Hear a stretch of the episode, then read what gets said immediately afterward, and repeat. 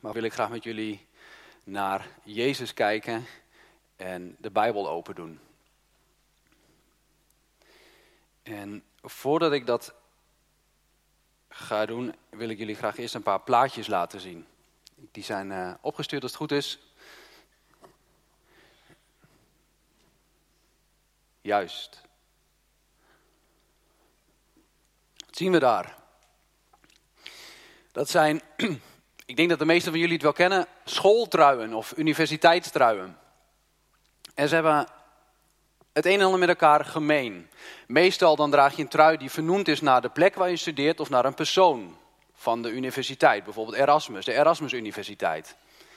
Vaak staat er ook een jaartal op, met name de universiteiten die wat ouder zijn, die zijn er natuurlijk trots op. En dan staat erop, zo en zo oud zijn we al.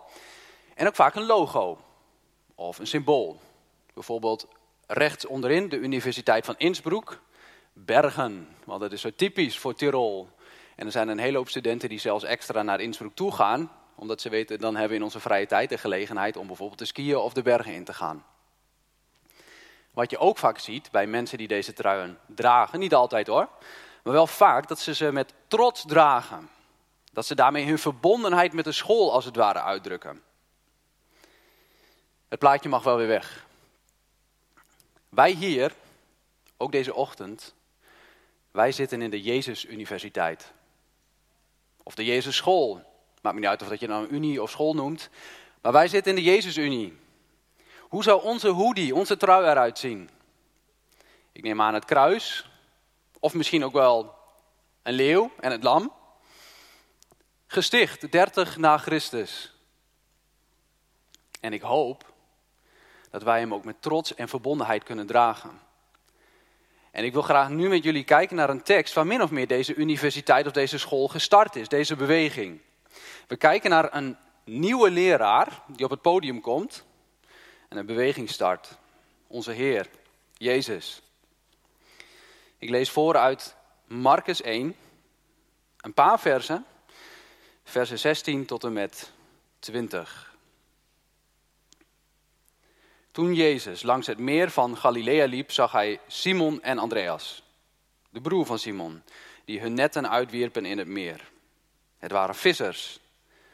Jezus zei tegen hen: Kom, volg mij.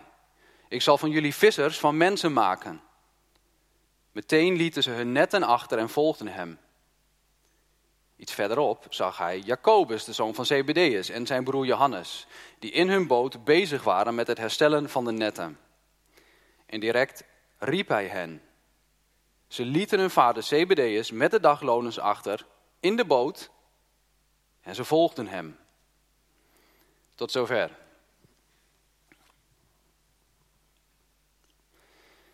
Leraar Jezus. In het Marcus-evangelie wordt hij even heel kort geïntroduceerd Gods zoon, dat was het van Marcus Kant. Die loopt daar langs het kust van het meer van Galilea. Waarom? Waarom doet hij dat? Wat is zijn programma of wat is eigenlijk zijn plan? Wat wil hij? Eén vers ervoor lezen we het. Marcus 1, vers 15. Daar heeft hij het over het koninkrijk van God. Jezus zegt, beste mensen, de tijd is aangebroken. Het koninkrijk van God is nabij. Kom tot inkeer, bekeer je een hecht geloof aan dit goede nieuws. Dus Gods regering op aarde. Mensen die God vinden. Vergeving, vervulling, bevrijding, vreugde. Eeuwig met God zijn. Dat is het grotere kader, dat is het grote plan. En in dit plan zitten meerdere stappen. En we zijn hier vandaag aangekomen bij de stap dat Jezus een school start. Een verzameling van mensen rondom de Zoon van God. En ik heb een citaat gehoord ooit een keer en ik ben het er helemaal mee eens. Het is niet zozeer dat de kerk, Gods verzameling van mensen, een missie heeft, maar het is dat Gods missie een kerk heeft. Het is dat Gods missie een kerk heeft en dat zien we hier in deze tekst. Dat brengt Jezus naar het meer van Galilea. En dan gebeurt er iets typisch. Iets typisch in onze tekst. Jezus ziet Simon en Andreas. Je zou kunnen zeggen, hè, dit is toch geschreven door de leerling. En dan zou je toch verwachten, wij zagen Jezus. Nee, Jezus ziet hen. En daarmee wordt benadrukt wat in Johannes 15 ook staat, waar Jezus zegt: Hé hey jongens, jullie hebben mij niet uitgekozen, ik heb jullie uitgekozen. En hij hoefde ook niet te wachten tot een paar misschien met hem mee wilden. Nee, hij sprak met autoriteit. Ze hadden hem ook al een beetje gekend. Ze waren van hem, onder de indruk. Hij zegt: Kom. En ze volgen. Kom, achter mij aan. Liefdevol. Met autoriteit. En ook met een opdracht. Met een doel. Hij wil niet een een of ander leuk reisje met de jongens maken. Of een gezellige tijd hebben. Nee, ze zitten in een specifieke school. Wat is dan de opdracht? Matthäus 22, daar spreekt Jezus ook. Heeft hij het weer over het koninkrijk. Hij zegt, het koninkrijk van de hemel, dat is als een koning die een bruiloftsfeest geeft voor zijn zoon. Hij stuurt dienaren erop uit om bruiloftsgasten uit te nodigen. Oftewel, God die bereidt een feest voor. God die bereidt iets fantastisch voor. En hij nodigt mensen uit, ook jou persoonlijk. Ik weet niet waar je staat, hoe je hier vanochtend bent binnengekomen. God nodigt jou uit. Hij wil jou erbij hebben. Bij zijn feest. Waarom? De titel van jullie kerk zegt het. Waardevol leven. Jij bent waardevol voor hem. En zo gaat Jezus langs de kust van het meer van Galilea. Hij zegt, kom achter mij aan. En dan letterlijk, ik zal maken jullie om te zijn vissers van mensen. Mensen binnenhalen voor die bruiloft. De opdracht is om mensen te winnen. Zodat ook die mensen mee gaan doen in de Jezus Universiteit. Meebewegen en dat die ook weer anderen gaan uitnodigen. Wat voor mensen? Mensen met rotzooi. Mensen met zorgen. Mensen met pijn, met schaamte. Niks is te groot voor deze leraar. Niks te erg. En heel vaak als je naar een bepaalde universiteit gaat, dan moet je soms eerst een test hebben gedaan. Of je moet bijvoorbeeld een lijst in hebben geleverd met goede cijfers. Moet dat hier ook? Nope. Goed antwoord. Echt niet. Helemaal niet. Het kan zelfs zo zijn dat er op jouw lijstje staat moord, verkrachting, drugs, porno, diefstal. Ga maar door. Maakt dat Jezus dan helemaal niet uit? Wat hij zegt is keer je om. Keer je om en kom bij mij, de bron van het leven. Kom bij mij voor vergeving. Zijn er dan helemaal geen mensen met wie Jezus niks kan beginnen? Allereerst, Jezus is, net als de Vader, soeverein. En tegelijkertijd, wanneer wij mensen zeggen, nou, ik doe het zelf wel. Ik heb u, jou niet nodig. En wij blijven daarbij, elke keer de deur dicht naar Jezus. Dan kan het zo zijn dat hij op een gegeven moment zegt, dan laat ik jou daar ook. Maar ieder die wil, de deur is open naar de Heer. Hij zegt, kom. En direct verlaten deze mannen hun netten en volgen Jezus. Wat betekent dat eigenlijk? Is jou, is ons bewust hoe diep dat dat gaat? Dat betekent ze verlaten hun baan, hun carrière, hun inkomsten, dus hun brood. Ze verlaten min of meer hun collega's, hun familie, vrienden tot op zekere hoogte. Dus ze verlaten het, ruilen het bekende voor het onbekende. Dat is ook de reden waarom dat Petrus later zegt, Heer, wij hebben alles achtergelaten om u te volgen. Kan jij dat? Om eerlijk te zijn is dit zo'n gedeelte in de tekst wat een beetje schuurt, ook bij mij. Misschien hebben jullie dit idee. Ja, Klaas en Eline, die zijn naar Oostenrijk gegaan, die hebben alles achtergelaten. Zal wel, tot op zekere hoogte. Maar ook wij worstelen ermee. Op een gegeven moment zit je in een nieuwe omgeving en de mensen die zeggen tegen je: Hé, hey, heb je vandaag, ben je weer de berg in geweest? Heb je nog geskiet deze week? Nee. Ben je niet wezen wandelen? Nee. Voor je het weet moet je meedoen met wat de wereld allemaal van je verlangt en wat zo belangrijk is. En hebben wij helemaal niet zoveel achtergelaten, zitten we alleen vast aan iets nieuws. Wat doen wij als we Gods stem horen? Of anders geformuleerd, hoeveel zijn God en zijn koninkrijk jou waard? Hoe groot is jouw verlangen naar God? Dat is wat, wat we hieruit kunnen halen. Jezus gaat verder. En dan met een klas. Een beginnende klas met twee leerlingen. En weer gebeurt hetzelfde. Jezus ziet Jacobus en Johannes, hij roept ze. En misschien vraag jij je wel af, word ik nou ook net zo geroepen? Word ik net zo bewust als deze mannen hier geroepen? Ik bedoel, als je naar de tekst kijkt, je hebt ook CBD'ers, de vader. En er zijn nog een aantal dagloners, die worden toch niet geroepen?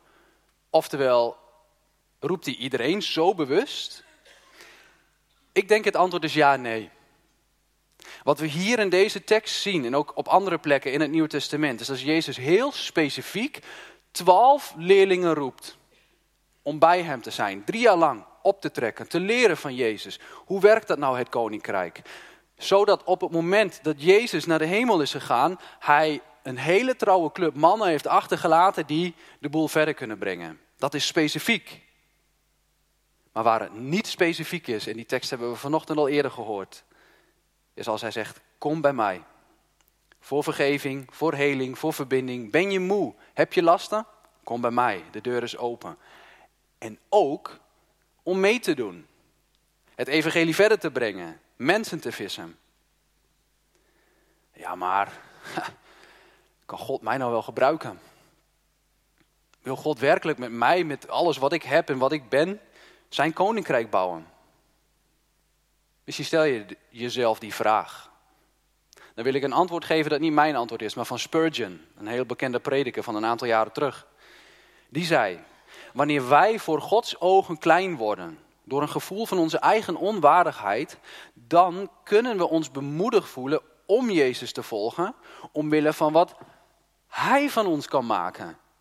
O jullie die op dit moment in jezelf helemaal niks zien dat begeerlijk of belangrijk is, kom en volg Christus omwille van wat Hij van jullie kan maken.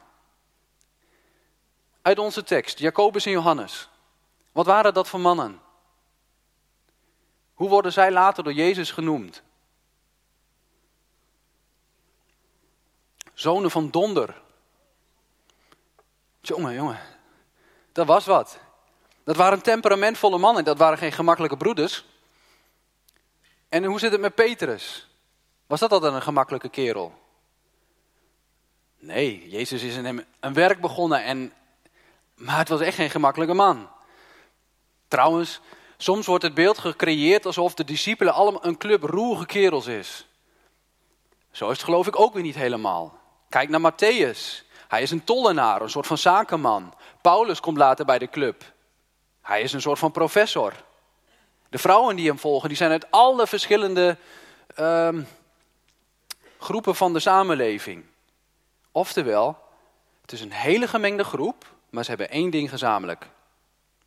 Het zijn gebroken mensen.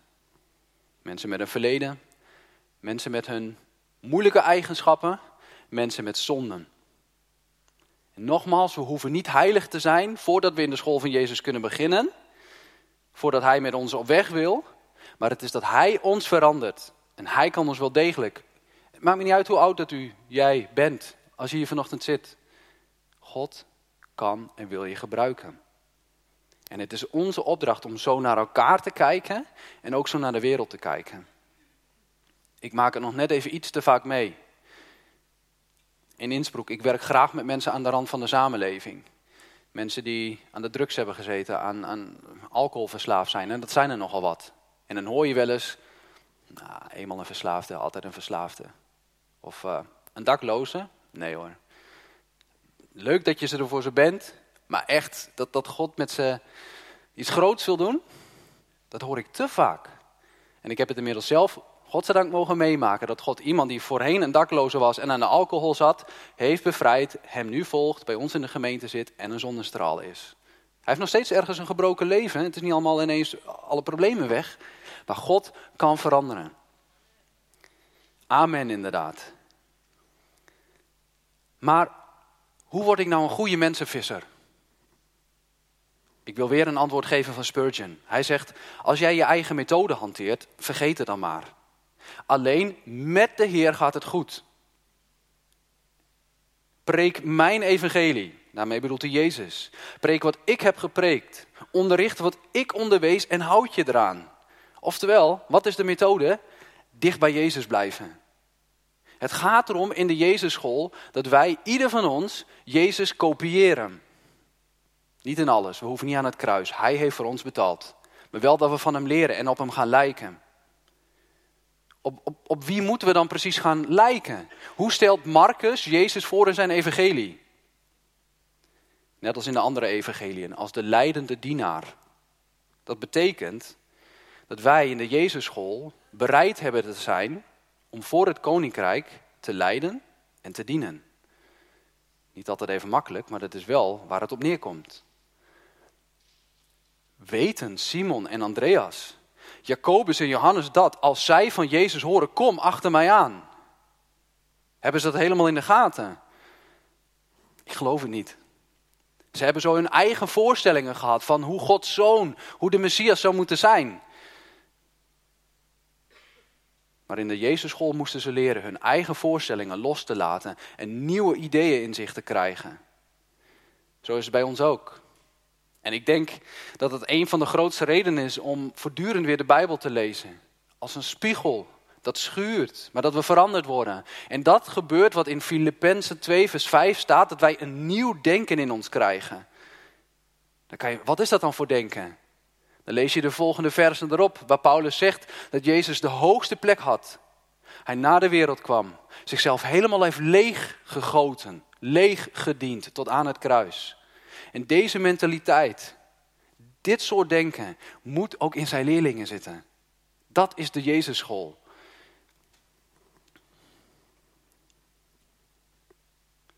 En zo is de Jezus Universiteit begonnen. Sindsdien is er een gemeenschap tussen één leraar en vele, vele leerlingen. Maar niet alleen dat, sindsdien is er ook gemeenschap onderling.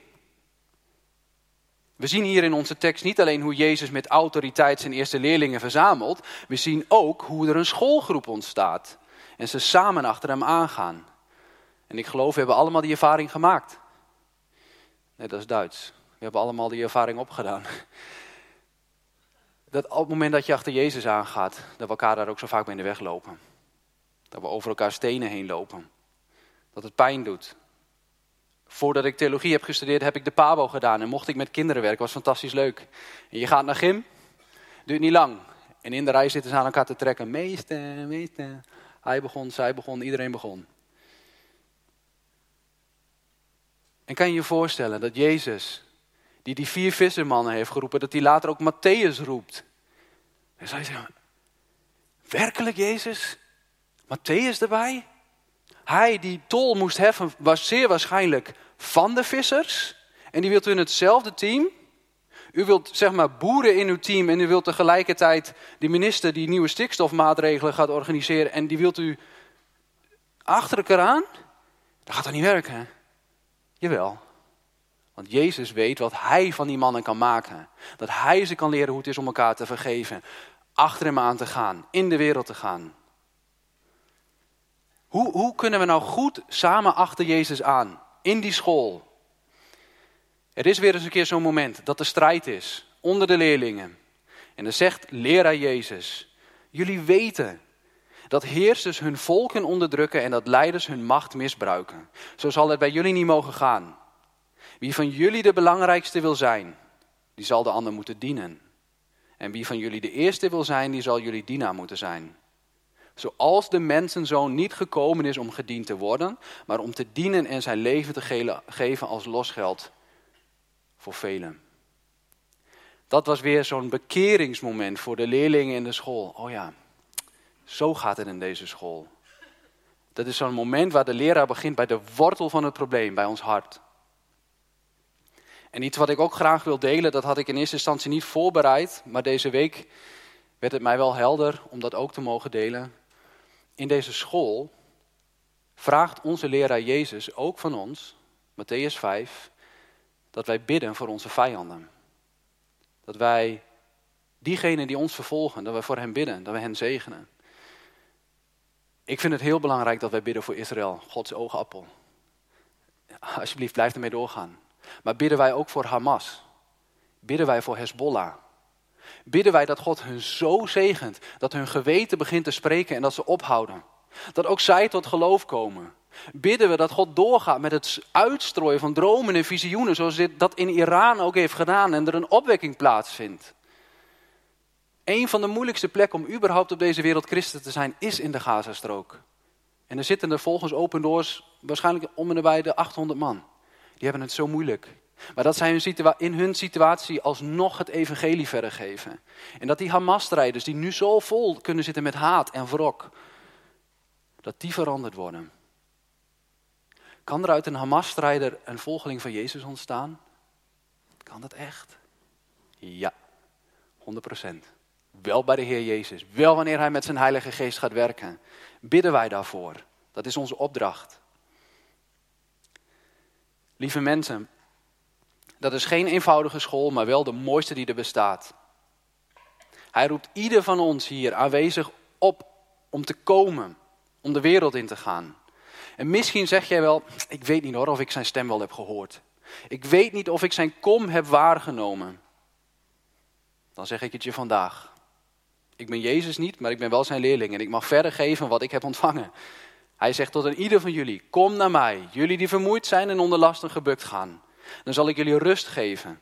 Neem mijn juk op je en leer van mij, want ik ben zachtmoedig en nederig van hart.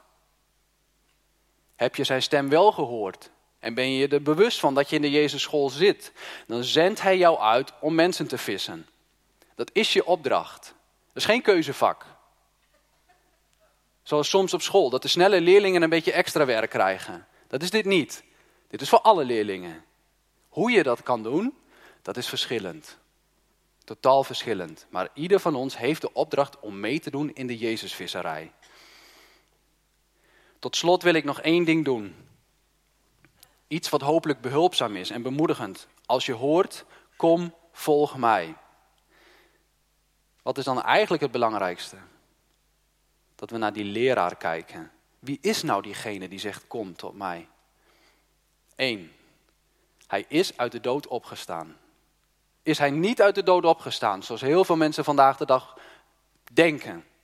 Is hij gewoon een interessante leraar, dan mag je wat mij betreft de Bijbel wegsmijten en dan mag je de deur van deze Jezusschool ook dicht doen. Dan is Jezus maar een gekke man. Maar dat is hij niet. Hij is opgestaan. Hij leeft, hij regeert en hij heeft ontzettend veel macht. Inderdaad, handen omhoog erachterin. hij leeft. Hij heeft ontzettend veel macht. En om dat te demonstreren wil ik God aan het woord laten. Door openbaring 5 te lezen waar we Jezus zien. En als je dat hoort, dan heb alsjeblieft deze dingen in je hoofd. Degene die in openbaring 5 naar voren komt, dat is degene die ziet waar ik ben. Dat is degene die mij roept, kom achter mij aan. Dat is degene die bij mij is en mij dagelijks begeleidt. Dat is degene die mij wil inzetten voor de bouw van zijn koninkrijk. Om mensen te vissen. Openbaring 5. Toen, schrijft Johannes, zag ik dit. Degene die op de troon zat, had in zijn rechterhand een boekrol die aan beide kanten beschreven was en met zeven zegels was verzegeld. Ik zag een machtige engel die met luide stem uitriep: Wie komt het toe om de zegels te verbreken en de boekrol te openen? Maar er was niemand, in de hemel of op aarde of onder de aarde, die de boekrol kon openen en inzien. Het deed mij veel verdriet dat blijkbaar niemand het verdiende om de boekrol te openen en hem in te zien. Toen zei een van de oudsten tegen mij: Wees niet verdrietig, want de leeuw uit de stam Juda, de telg van David, heeft de overwinning behaald en daarom mag hij de boekrol met de zeven zegels openen. Midden voor de troon, tussen de vier wezens en de oudsten, zag ik een lam staan. Het zag eruit alsof het geslacht was en het had zeven horens en zeven ogen. Dat zijn de zeven geesten van God die over de hele wereld zijn uitgestuurd. Het lam ging naar degene die op de troon zat en ontving de boekrol uit zijn rechterhand. Op hetzelfde moment wierpen de vier wezens en de 24 oudsten zich voor het lam neer. Ieder van hen had een lier en een gouden schaal vol wierook. Dat zijn de gebeden van de heiligen. En ze zetten een nieuw lied in. U, Jezus, verdient het om de boekrol te ontvangen en zijn zegels te verbreken, want u bent geslacht en met uw bloed hebt u voor God mensen gekocht uit alle landen en volken, van elke stam en taal. U hebt voor onze God uit hen een koninkrijk gevormd en hen tot priesters gemaakt. Zij zullen als koningen heersen op aarde. Daarna hoorde ik het geluid van een groot aantal engelen rondom de troon, de wezens en de oudsten. Het waren er oneindig veel. Tienduizendmaal tienduizenden, duizendmaal duizenden. En met luide stem riepen ze, het lam dat geslacht is, kom alle macht, rijkdom en wijsheid toe. En alle kracht, eer, lof en dank. Elk schepsel in de hemel, op aarde, onder de aarde en in de zee. Alles en iedereen hoorde ik zeggen, aan hem die op de troon zit en aan het lam komen de dank, de eer, de lof en de macht toe, tot een eeuwigheid. De vier wezens antwoorden, Amen. En de oudsten wierpen zich neer in aanbidding. Dat is de leraar die jou roept en jou wil inzetten om zijn koninkrijk te bouwen. Amen. Ik wil graag een kort gebed uitspreken. Heer Jezus, niemand is zoals u. U hebt betaald, wij kunnen slechts aansluiten bij wat we zien in Openbaring 5. Onze handen uitstrekken en u loven en prijzen. Ik wil u bedanken dat u ons wilt gebruiken. Dat u ons kan veranderen. Dat u uw koninkrijk met ons wilt bouwen. En ik wil u vragen, Heer, of dat u ook hier in deze omgeving, in, in Loppersum, nog veel, veel, veel mensen wilt roepen om op die bruiloft te komen, aanwezig te zijn, onder de indruk te zijn van u. Gebruik deze gemeente. Help ons allemaal, waar we ook staan, om te dienen, om bereid te zijn om voor het koninkrijk te leiden. Heer Jezus, we bekennen, het is ook niet altijd makkelijk om achter u aan te gaan. Maar wanneer u met uw geest in ons werkt, dan hebben we vreugde erbij. En dan zullen er ook dingen gebeuren, want u bent machtig. We bidden voor het volk Israël.